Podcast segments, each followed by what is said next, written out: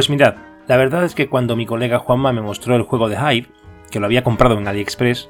unas piezas de madera un poco chungas, las de calidad me refiero, pues me gustó y me dijo que había una plataforma que se llamaba Board Game Arena, donde se podía jugar online. Después descubrí una app en la Play Store de Google llamada Hive, la colmena, que se conectaba precisamente al servidor de BGA para jugar en su plataforma, pero con la interfaz de esta app, que es mejor para dispositivos móviles que la interfaz de VGA que es más amigable para PC. Me encanta Hive porque tiene connotaciones como las del ajedrez y yo soy ajedrecista. Luego Juanma me mostró el camino de los Eurogames, con Carcassonne Jr. curiosamente para iniciarnos con mi hijo. Era un juego sencillo, fácil de resolver, y que nos iniciaba en el fascinante mundo de la conexión de los setas de paisaje. Dicho esto, me compré el juego de Hive original con sus expansiones, se puede decir que son piezas casi artísticas, precisas, hexágonos exactos, fabricados en un polímero plástico suave y agradable al tacto, fácil de deslizar y muy bonito, que se llama Baquelita. Lo recomiendo, la verdad. Compré también un libro de táctica y estrategia sobre Hive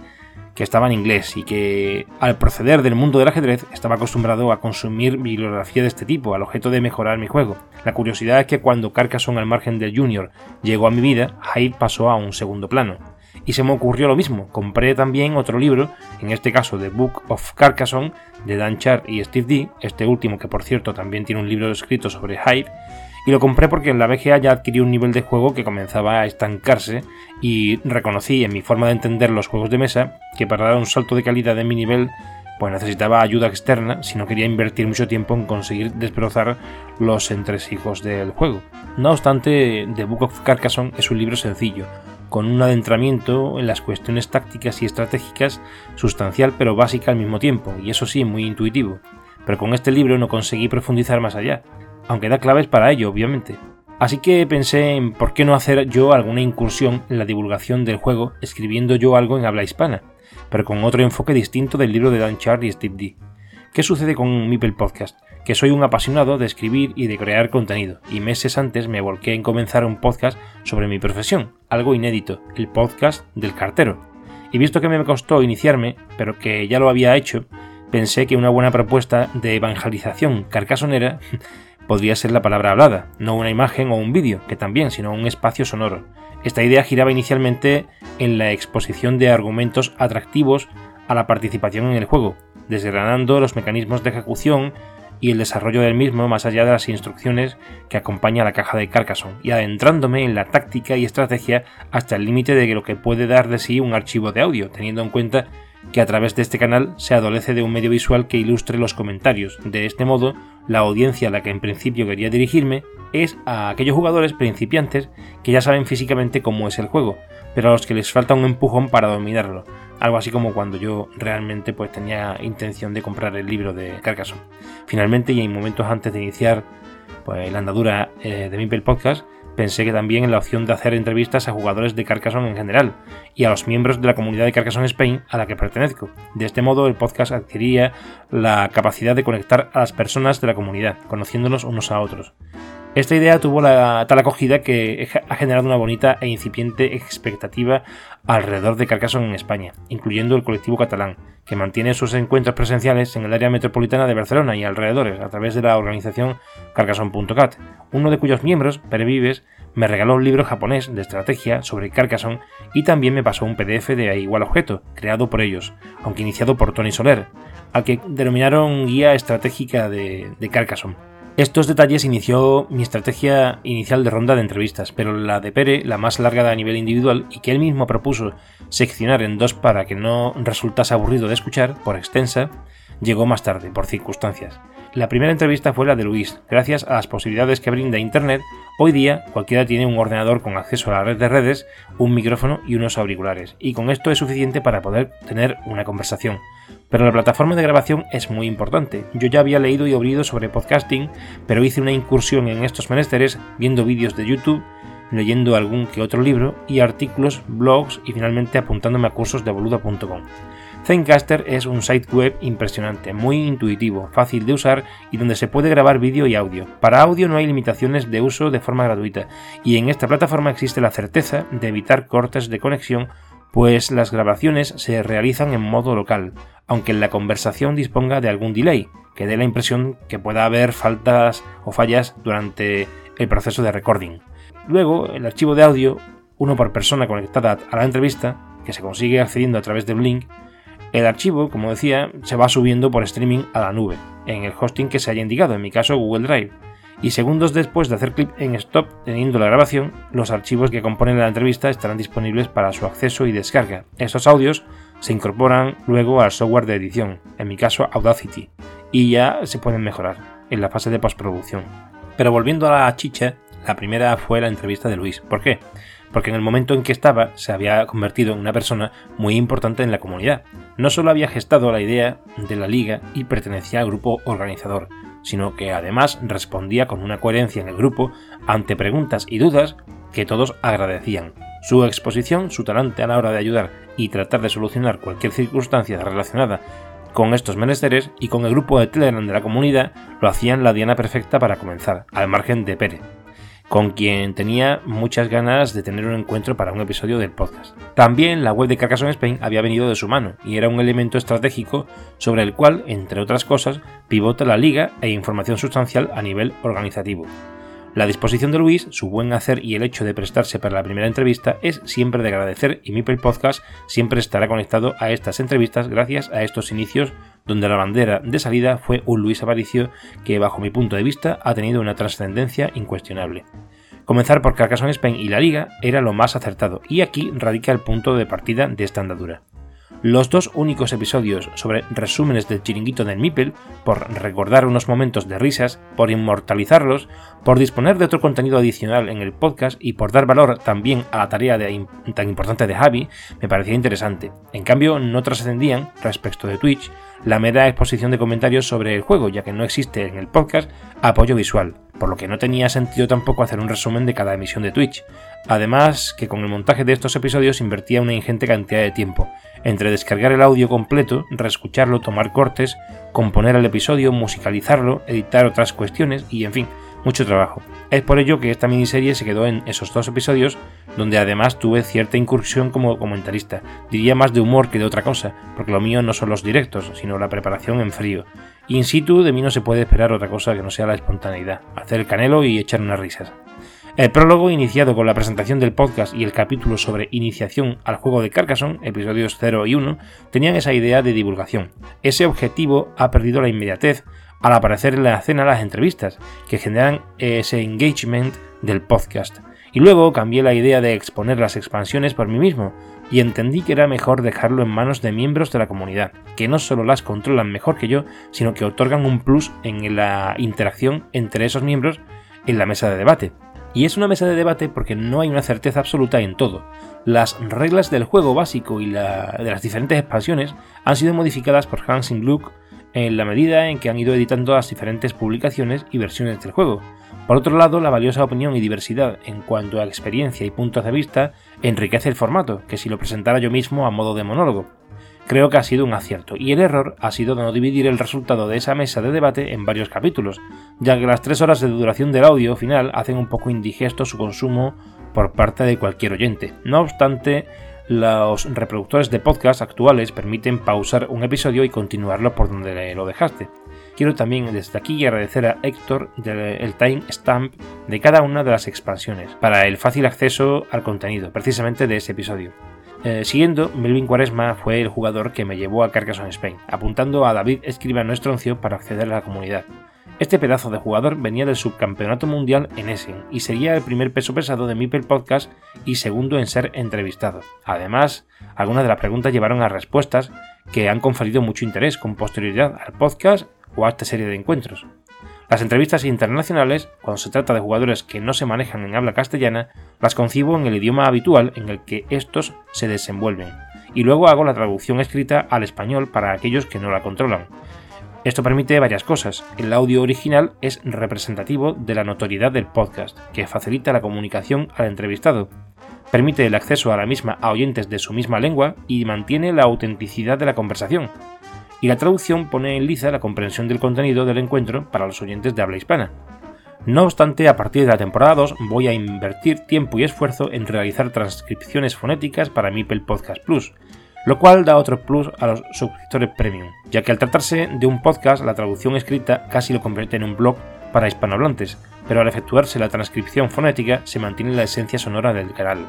Sí tengo que decir que no existe feedback en las entrevistas internacionales, debido a que mi listening es malo y que mi capacidad para generar preguntas sobre la marcha o responder en es escasa y lenta cuando se trata de otro idioma, porque no me da para poder hacer una entrevista fluida. Normalmente acuerdo con mi interlocutor el intercambio de preguntas y respuestas por escrito, lo cual también me facilita la posterior traducción. Y a raíz de esto quedamos para una conversación donde se restituye el texto escrito en una conversación que intentamos que sea lo más natural posible, dentro de que casi estamos leyendo lo, expresado con antelación. En este tipo de entrevistas no existe feedback porque en realidad no hay una repregunta tras oír las respuestas de mi interlocutor, pero la concatenación de preguntas tiene sentido en sí mismo y no me parece que quede mal, además del hecho de que lo realmente importante es que se escuche al entrevistado y al entrevistador, hablando, que es de lo que se trata un podcast. Semejante a esto existen entrevistas en español sin feedback pero porque no se han producido la conversación como tal. En la entrevista a Carlos Aguado, la primera que le hice mientras se encontraba en, en Finlandia, existía un delay muy importante que luego podía omitirse en postproducción, pero existía feedback al fin y al cabo. Pero la segunda, como subcampeón de España, tras el Nacional del 17 de julio, tuvo problemas de conexión en su ubicación rural de Cantabria y decidí proponerle el envío de las preguntas en un audio previamente grabado y él me contestó directamente una a una las preguntas en pequeños fragmentos o cortes de audio y luego monté el episodio. Lo mismo pasará con Tomás Moder de Spiele que por tratarse de un funcionario que dedica su tiempo laboral a estos menesteres, supongo que, aunque no se negó a una conversación, optó directamente por responderme con archivos de audio a las preguntas, que posteriormente me envió grabadas en buena calidad para que las pudiera montar en edición. Y también David Bourdois, que no tenía micrófono y no podía conectarse a la plataforma de entrevistas online. Dicho esto, estas dos últimas a las que hago mención forman parte de la segunda temporada de Mipel Podcast, lo que sucede que fueron grabadas durante el tramo final de la emisión de la temporada 1. ¿Entrevistas destacables? Todas. Pero hago una mención especial a los integrantes de mesas de debate o mesas redondas, los que estuvieron y los que están por venir, y aquellos invitados que ya han sido entrevistados doblemente, como Óscar Agudo y Óscar Aguado, o a Luis y David, a todos ellos gracias por su disposición. Alexei, creo que es un buen tipo y merecía pasar por aquí, y el interés de este espacio también es entrevistar a aquellas personas notorias en el paisaje BGA. Siendo un streamer al que me dirigí para pedir consejo, era obvio que tuviera que aparecer tarde o temprano, y fue más temprano que otra cosa. David Escribano, David Cobo, Valle Ábalos, Alfonso Arroyo, todos integrantes de la organización Carcassonne Spain debían estar, y hay quienes han tardado en llegar, Jaime Gómez, Íñigo García, pero ahí están al fin y al cabo. Propuse, como ya he comentado en otras ocasiones, la presencia de César del blog de la plaza de Carcassonne, pero se opuso a salir por motivos de tiempo, que al final también han sido motivos de discrepancias con la actualidad de Carcassonne y su forma de ver las circunstancias de la asociación Carcassonne Spain. Él se sentía más cómodo antaño cuando era menos y ello significaba más, según él y según también otras personas destacables del panorama Carcassonne de Madrid desde hace una década hasta la pandemia. El entorno BGA les ha sentado como un tiro porque ellos solo ven el presencial y demonizan el ámbito online hasta cierto punto. Yo creo que es compatible. No tiene por qué restar interés a la competición presencial el ámbito de Internet, cuando está presente en un juego tan sumamente presencial como siempre lo ha sido el ajedrez y donde la competición es siempre física. Pero el mundo online ha llegado para quedarse y lo único que se puede hacer es ordenar las cosas para que siempre exista un ámbito de interés general como son los presenciales y un ámbito que permite la cohesión a niveles de falta de proximidad y de significativo poder pedagógico y de entrenamiento como es el ámbito de las redes de redes. Hay que adaptarse a los cambios y adaptar los cambios a las necesidades del juego. No hay que dejarse de envolver por la herramienta, sino dar un uso preciso a la herramienta para mejorar nuestras posibilidades. La primera entrevista a dúo, Víctor y Andrea, me gustó tanto que me sentí en la necesidad de trasladar a todos los oyentes y entrevistados el agradecimiento por su disposición con el programa de podcast. Y este fue el detonante de montar un episodio de agradecimiento, la de ellos por su forma de ser y por la especial confluencia de los tres, yo y ellos dos, en este espacio, antes incluso de que tuviera lugar la primera mesa de debate, fue algo muy significativo para mí como entrevistador en esa entrevista y en la que salió luego de Rader se habló de Héctor Madrona, cuando en realidad a Héctor ya lo había entrevistado, lo que pasa que ese episodio se publicó con posterioridad. Algo parecido pasó con Valle, la capitana de la selección, y es que su entrevista estaba prevista antes que la de Oscar, Alfonso, Alexei, pero no por problemas técnicos tuvimos que posponerla hasta en dos ocasiones y no obstante mereció mucho la pena, como todas las demás por supuesto. Volviendo a Héctor Madrona, por cierto, del que fui huésped durante el Nacional, supuso un punto de inflexión porque es un tipo peculiar, friki y coleccionista, a la vez que jugón de Carcassonne con expansiones, pero sin afán por el básico competitivo ni tampoco Nick en la BGA. Además, siendo el copropietario de Carcassonne Central, el cofundador de la Wikicarpedia, miembro de la organización Carcassonne Spain y administrador del Discord de la comunidad, personaje de fantasía cuando lo conoces en persona, amable y generoso a raudales cuando realmente él tiene la oportunidad, en fin, además de esa chula entrevista, esa disposición exacerbada por cualquier cosa, su presencia en la mesa de debate junto a Javi Rader y Samuel Arroyo, lo hacen un, tipo muy especial y muy interesante.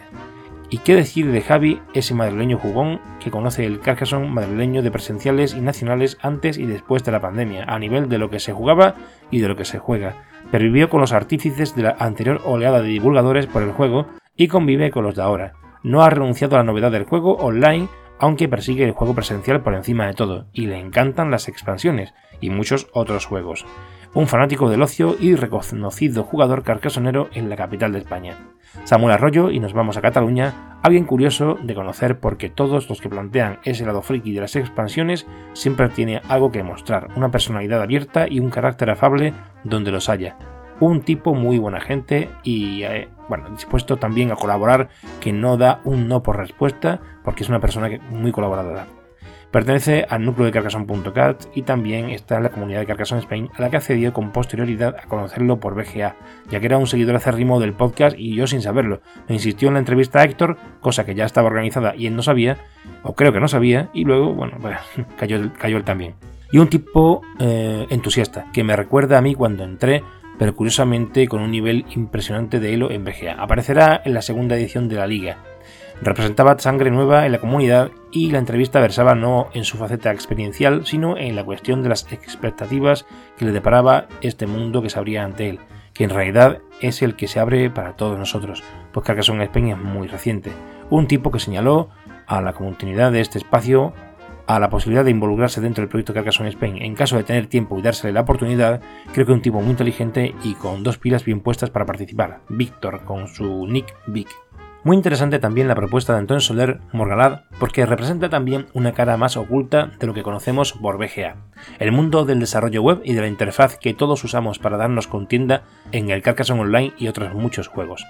Las respuestas dejan clara la honestidad de reconocer las limitaciones de la plataforma respecto de la modificación del reloj de juego y la imposibilidad de adaptar un módulo de análisis por el concepto arquitectónico web de la propia página de Board Arena. Pero conocer a la persona de Antonio ha sido evidentemente muy interesante. Su periplo por Reino Unido, la gestación de una asociación que no vio crecer, pero que luego reconoció como gigante en su ciudad natal de Almería, le da mucha cuerda también a la entrevista. William con su museo de Carcassonne y su Instagram, Chris Wallace y sus creaciones lúdicas y estrambóticas sobre Carcassonne con losetas magnéticas, su cubasón y otras cuestiones que comparte a menudo en Carcassonne Central, el pragmatismo de Alfonso Arroyo y su capacidad de derrotar a bestias de la escena carcassonera vegeniana, la campeona del grupo rojo de la Liga Carcassonne Spain en segunda y su homólogo en el grupo azul, respectivamente Miriam y Alejandro, Carquiñolis y Alesip, este segundo paisano mío y Miriam paisana de Samuel Arroyo y Perevives. El escueto pero claro y conciso Íñigo García, muy interesante su entrevista entre otras cosas por lo poco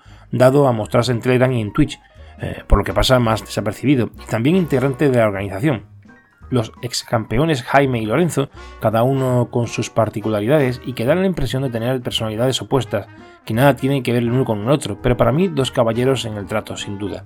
Como también son personas realmente agradables de conocer, aunque a algunos les pueda parecer lo contrario, los siguientes, Enrique Ezequiel en Profecía, Oscar Sardón, Ledacri y Miquel Jornet. Cada uno tiene sus cosas que contar y han sido vilipendiados de alguna u otra forma por circunstancias en las que se vieron envueltos y que nunca hace justicia a la realidad de las personas que están alrededor. ni las que se enfadaron con ellos porque tampoco tenían la necesidad y se vieron enfrascados en la tesitura de resolver alguna situación desagradable, ni estas mismas personas que tal vez no estuvieron acertados en el momento oportuno o pasaron por poco colaboradores. Yo realmente quiero entender que hay que dar voz a las personas para que se expliquen, y en el fondo de todo entiendo que cada uno es de una manera, tiene sus puntos de vista, sus prioridades, y la percepción del grupo cada uno la ve desde un prisma muy distinto. Dicho esto, hay que respetar unas pautas que nos damos, como unas normas dentro del grupo, eh, por respeto, o las mismas normas de la liga, por seguir una línea. Pero si cometemos algún error, hay que reconocerlo y el resto debe evitar también hacer juicios de valor que, aunque puedan parecer válidos, no deben de ser muy oportunos porque generan confrontación. Yo mismo debo aplicarme el cuento porque en ocasiones y dentro del grupo de la organización no he sabido entender alguna crítica y he soltado alguna fresca, motivo que me ha llevado a marcharme finalmente de este grupo porque me siento más cómodo en la comunidad y creo que no tengo tanto tiempo y poco que aportar de manera directa. Por otro lado, David Cobo me comentó que quería hacerme una entrevista, pero yo ya había iniciado la tarea de pedir a la gente que me enviara sus preguntas a mi podcast, las cuales resolví en un episodio relacionado, pero no como jugador de BGA, sino como divulgador, como miembro de la comunidad, como el cartelo de Carcassonne. Creo que este episodio fue interesante desde muchos puntos de vista. Uno de ellos, oírme a mí en lugar de los demás, que participase activamente la comunidad como entrevistadora y que se diera a conocer algunas cuestiones relacionadas con el apartado creativo de mi Podcast. También existió la oportunidad de que el modelo de entrevista habitual saliera adelante, tanto por parte de David Cobo, quien había concebido originalmente la idea, y continuando con el propio Javi Poveda, pero por falta de tiempo el primero y por descarte de Javi, puesto que iba a salir el episodio de preguntas y respuestas y no le parecía muy correcto, pues finalmente se malogró la entrevista. A partir de aquí, las dos últimas semanas del podcast han sido un verdadero suplicio para mí. La actividad frenética de intercalar episodios previos al Fiestasón y al Nacional con las entrevistas de septiembre que se continuaron con las del cierre de temporada. Javi Poveda, campeones de España y Cataluña, resúmenes del Fiestasón y de los dos eventos clasificatorios para Essen, etc y algo que me costó mucho tiempo de dedicación, aunque no haya sido de los episodios más importantes, fue el episodio de resumen. Este episodio de resumen, por tener que intercalar fragmentos de audio de cada entrevista, significó una labor muy intensa, al margen de que no es propiamente un resumen, sino un montaje de las preguntas que he repetido al unísono a todos los entrevistados y entrevistadas, la loseta favorita, expansión preferida, un juego dentro y fuera de la BGA, y la visita o no a la ciudad de Carcassonne. Esto unido a los saludos del inicio de cada entrevista y las despedidas, al final, conforman un audio de casi dos horas de duración que ponen de relieve el trabajo desarrollado durante estos cuatro meses que constituyen la primera temporada de Mibel Podcast. Pero permitidme aconsejaros, a quienes no os guste demasiado este episodio, que escuchéis al menos los primeros minutos con los saludos concatenados de todos los entrevistados únicos. Los de partida doble solo los saco en su primera incursión.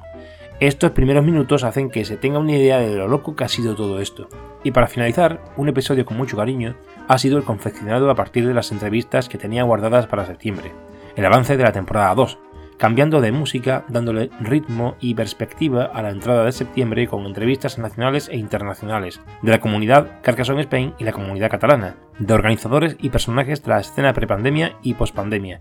mucho que contar y quería transmitir mi entusiasmo de alguna manera. Quise que se hiciera un vídeo con la mayor participación posible y para ello me grabé solicitándolo. La respuesta fue de 5 personas. Los resúmenes del Mundial por equipos han sido entretenidos, pero creo que la importancia se le dará más adelante, cuando se quiera tirar de hemeroteca, y no exista mucho de qué tirar salvo clasificaciones y algún resumen en algún blog o página web. El repositorio sonoro de Mipel Podcast dará buena cuenta de ello para contribuir con lo que el resto de la comunidad carcasonera haya decidido inmortalizar. Dicho todo esto, un acierto importante son la participación de una parte del comité de la Liga Carcassonne Spain en las personas de Luis Aparicio y David Escribano para la presentación de la segunda edición de la Liga, ya que se entiende que es una simbiosis. Al podcast le viene bien esta repercusión de presentación de la Liga Carcassonne Spain y a la Liga le viene bien cubrir todos los espectros posibles en cuanto a canales de divulgación. La entrevista a Javi, además de entretenida e interesante, la catalogaría como un culmen de los dos divulgadores de partida que aportan valor a la comunidad. Creo que este balance y preguntas que invertimos en el espacio parecen interesantes para tratar temas de los que no se habían hablado y que no siempre son sacados a colación. Creo que la tarea de esta primera temporada me ha reportado muchas satisfacciones y ha generado expectación en el público, y asimismo una gran pasión por la divulgación y creación de contenidos.